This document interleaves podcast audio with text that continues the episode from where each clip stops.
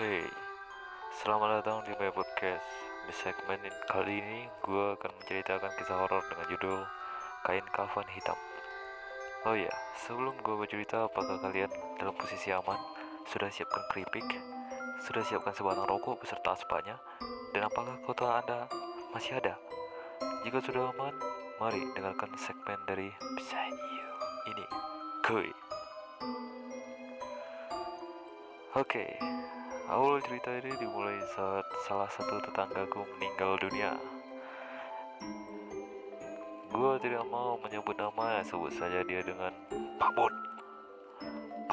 Ini dikenal sebagai orang yang tidak baik. Dia suka sekali berjudi dan minum minuman keras. Air minuman itu dikasih batu.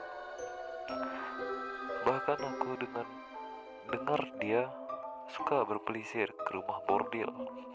Kelakuannya yang buruk seperti itu didukung oleh kekayaannya. Dia memperoleh harta yang sebanyak itu dari perbuatan yang tidak baik, yaitu dengan cara meminjamkan uang dengan bunga tinggi. Entah kalian menyebutnya rentenir, lintah darat, buaya darat, setrika darat, atau apa pun juga terserah kalian. Saat dia meninggal, semua warga tidak ada yang mau ke rumahnya. Tetapi saat melihat istrinya yang menangis meminta tolong dan salah satu kiai menyarankan untuk menolong sesama muslim.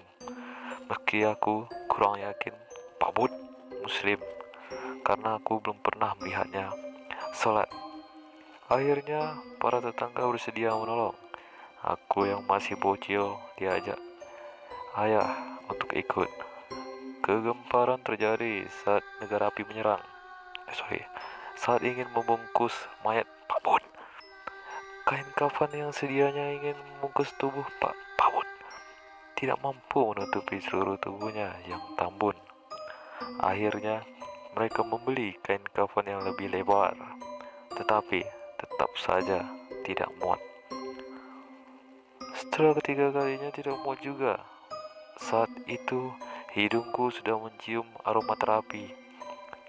Bukan, maksudnya mencium aroma busuk dari tubuh Bud. Akhirnya salah satu pelayat menyarankan untuk mengganti kain kafan putih itu menjadi warna hitam. Biar seperti Akatsuki. Sorry, bukan. Entah ide gila itu terinspirasi dari mana, tetapi ide itu berhasil. Tubuh Bud bisa dibungkus dengan kain kafan warna hitam, lalu dibeli dengan orang. Lalu kira martabak. Sorry. Dengan sangat mudah, seakan-akan itu adalah kain kafan yang sangat pas untuknya. Saat semua pelayat sibuk dengan keranda terbang yang belum kunjung datang.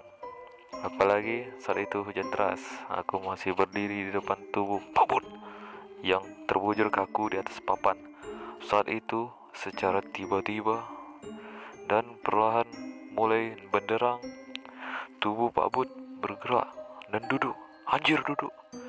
Dia menoleh kaku ke arah gua dengan mata terbelalak atau melotot.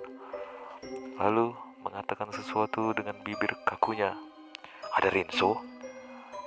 Bukan. Kayak. Sebenarnya cerita tidak seperti itu. Saat aku melihat mayat Pak Bud yang terbujur kaku itu, entah kenapa bulu bulu rambutku berdiri. Baru pertama kali dalam hidupku aku melihat mayat dibungkus dengan kain kafan berwarna hitam.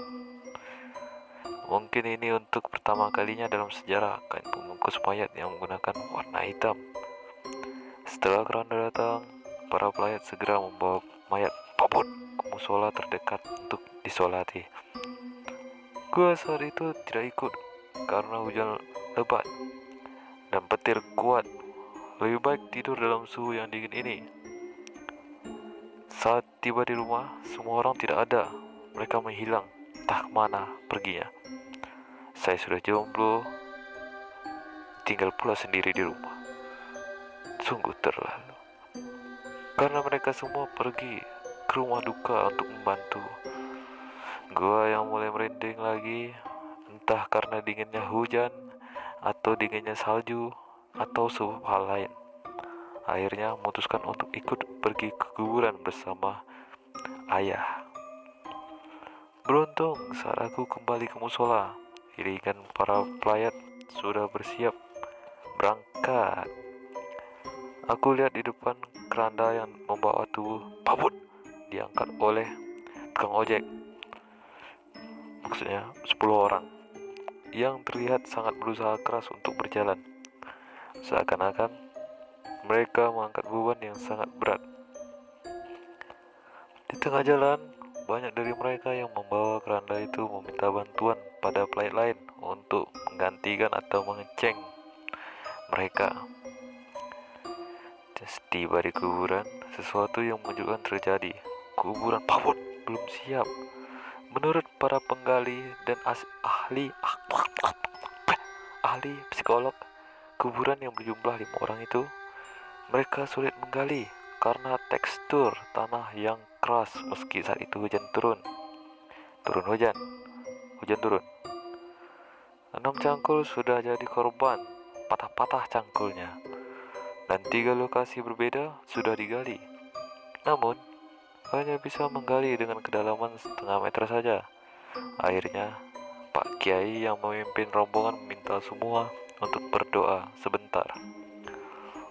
Setelah itu, menyuruh untuk menggali lagi. Tidak lama kemudian, satu lubang kuburan telah siap. Meski tidak terlalu dalam, namun cukup untuk membuat sumur. Maksudnya, mengubur mayat.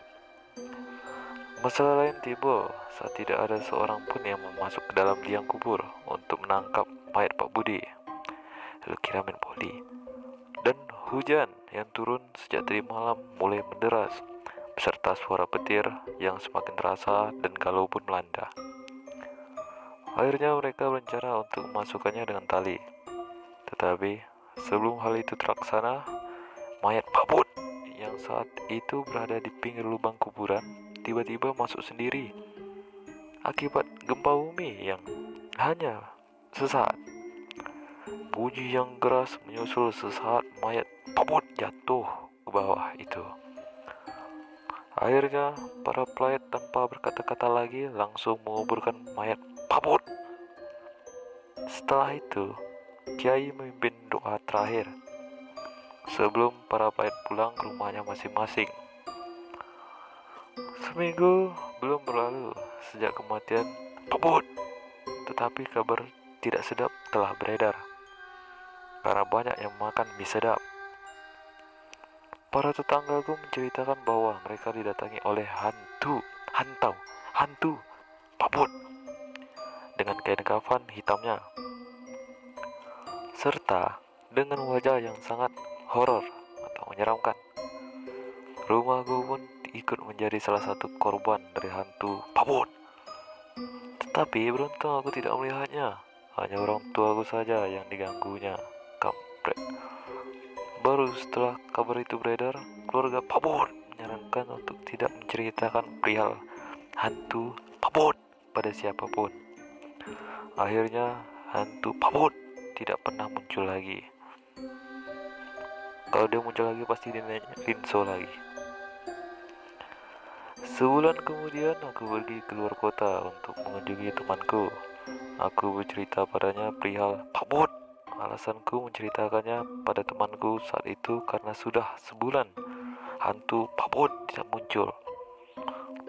Dan ini di luar kota. Apalagi temanku tidak kenal dengan pabot. Tetapi aku salah. Setelah aku pulang, sehari kemudian temanku menelponku Katanya dia didatangi hantu yang ciri-cirinya sama persis seperti yang aku ceritakan. Dalam ceritanya, dia sampai ngompol di celana. Pak Bo datang-datang menanyakan Rinso. Aku yang tidak mudah percaya, sehari kemudian pergi ke rumah temanku yang lain, yang rumahnya lebih jauh. Aku ceritakan semuanya perihal hantu Pak Bo. Tetanggaku itu dan setelah aku pulang, esoknya temanku itu menelpon dan menceritakan hal yang sama, seperti yang dialami temanku yang pertama. Aku yang mulai setengah percaya langsung menguji lagi ke teman perempuanku yang tinggal di luar negeri. Anjir nih temannya jauh-jauh semua di kampret. Aku menceritakannya lewat email. Setelah empat hari tidak mendapatkan jawaban ataupun kabar, aku lega. Karena aku berpikir kedua temanku yang menelponku itu hanya bermimpi horor karena ceritaku. Tetapi saat hari kelima, sebuah email datang dari teman perempuanku itu. Dalam emailnya, dia menceritakan bahwa dirinya didatangi oleh hantu berkain kafan hitam dan wujud wajah menyeramkan. Sambil bertanya, mana Rinsoku? Menurutnya, itu adalah hantu paling menyeramkan yang pernah dia lihat. Dan jika kalian sudah membaca cerita ini, tolong jangan katakan bahwa gua yang menceritakannya atau gua yang menulisnya. Karena aku juga takut bertemu hantu berkain kafan hitam itu. Yang ditanya bukan bukakan tali pocongnya kah atau bajunya kah, malah yang tanya Rinso. Dan jika nanti malam kalian didatangi hantu apa pun itu, sampaikan saja salam gua untuknya. Dan selamat dihantui. Oke, rekan-rekan kampretos sekalian, terima kasih sudah mendengarkan podcast gue. Ambil hal baik dari cerita ini dan buang jauh-jauh hal buruk dari cerita ini. Saya dari Beside You. Pamit mengundurkan diri. Sampai berjumpa lagi di next segment and bye.